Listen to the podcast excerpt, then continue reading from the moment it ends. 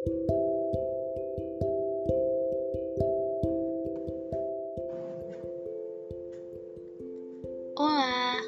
¿cómo estás? How was your day? I hope you guys are fine ya. Oke, jadi hari ini kita bakal cerita nih tentang friendzone. Pasti pernah kan dengan kata ini? Atau mungkin malah kalian lagi mengalami friendzone nih? Hayo, jujur. Well, friendzone. Kata orang, tidak ada pertemanan yang murni antara laki-laki dan perempuan. Pasti, salah satu di antaranya ada yang menyimpan rasa, entah untuk sesaat atau untuk waktu yang lama. Percaya nggak sih? Ya, percaya nggak percaya, ada aja gitu. Waktu di mana tanpa sadar pertemanan yang tadinya tulus dan murni untuk berteman perlahan memiliki ekspektasi di dalamnya. Pernah nggak sih bertanya, kok bisa ya kejebak friendzone? Padahal ini orang kan teman lama sendiri, udah tau lah gimana sisi baik sisi buruknya. Kok bisa ya kejebak friendzone? Tapi teman, ya itulah hidup. Yang terencana nggak sampai, yang tak terencana malah terlarang. Sebenarnya, jika dipikirkan kembali, wajar sih untuk menaruh perasaan dan memiliki ekspektasi kepada teman sendiri. Apalagi jika dia sudah menjadi 911 callmu ketika di malam hari.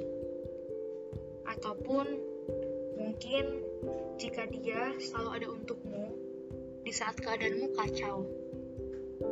Dan mungkin dia adalah satu-satunya orang yang memelukmu dan mengatakan, tenang, aku di sini, kamu nggak sendiri. Di saat semua orang pergi darimu. Lalu, mungkin kamu bertanya lagi, apakah perasaan ini salah? Lalu bagaimana? Sebenarnya, ada dua hal yang bisa kamu lakukan. Pertama, katakan sejujurnya. Kedua, memendam saja rasa itu dan berusaha berdamai dengan kenyataan.